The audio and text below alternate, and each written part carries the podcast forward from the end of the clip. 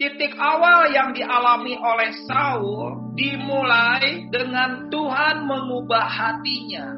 Saudara, kebenaran tentang hati itu adalah kebenaran yang sangat esensi dalam kekristenan. Tahu banyak kalau hatinya nggak berubah percuma mengerti banyak, khotbah bagus, khotbah keren, kalau hatinya nggak berubah percuma. Kenapa? Karena orang yang pinter atau orang pinter ngomong atau orang pinter pidato dikasih satu ayat tuh bisa diuraikan dan menarik sekali. Tapi persoalannya bukan dengar khotbah, bukan khotbah bagus, khotbah jelek. Pertama yang harus terjadi dalam kekristenan adalah harus mengalami poin ini, yaitu Allah mengubah hatinya menjadi lain.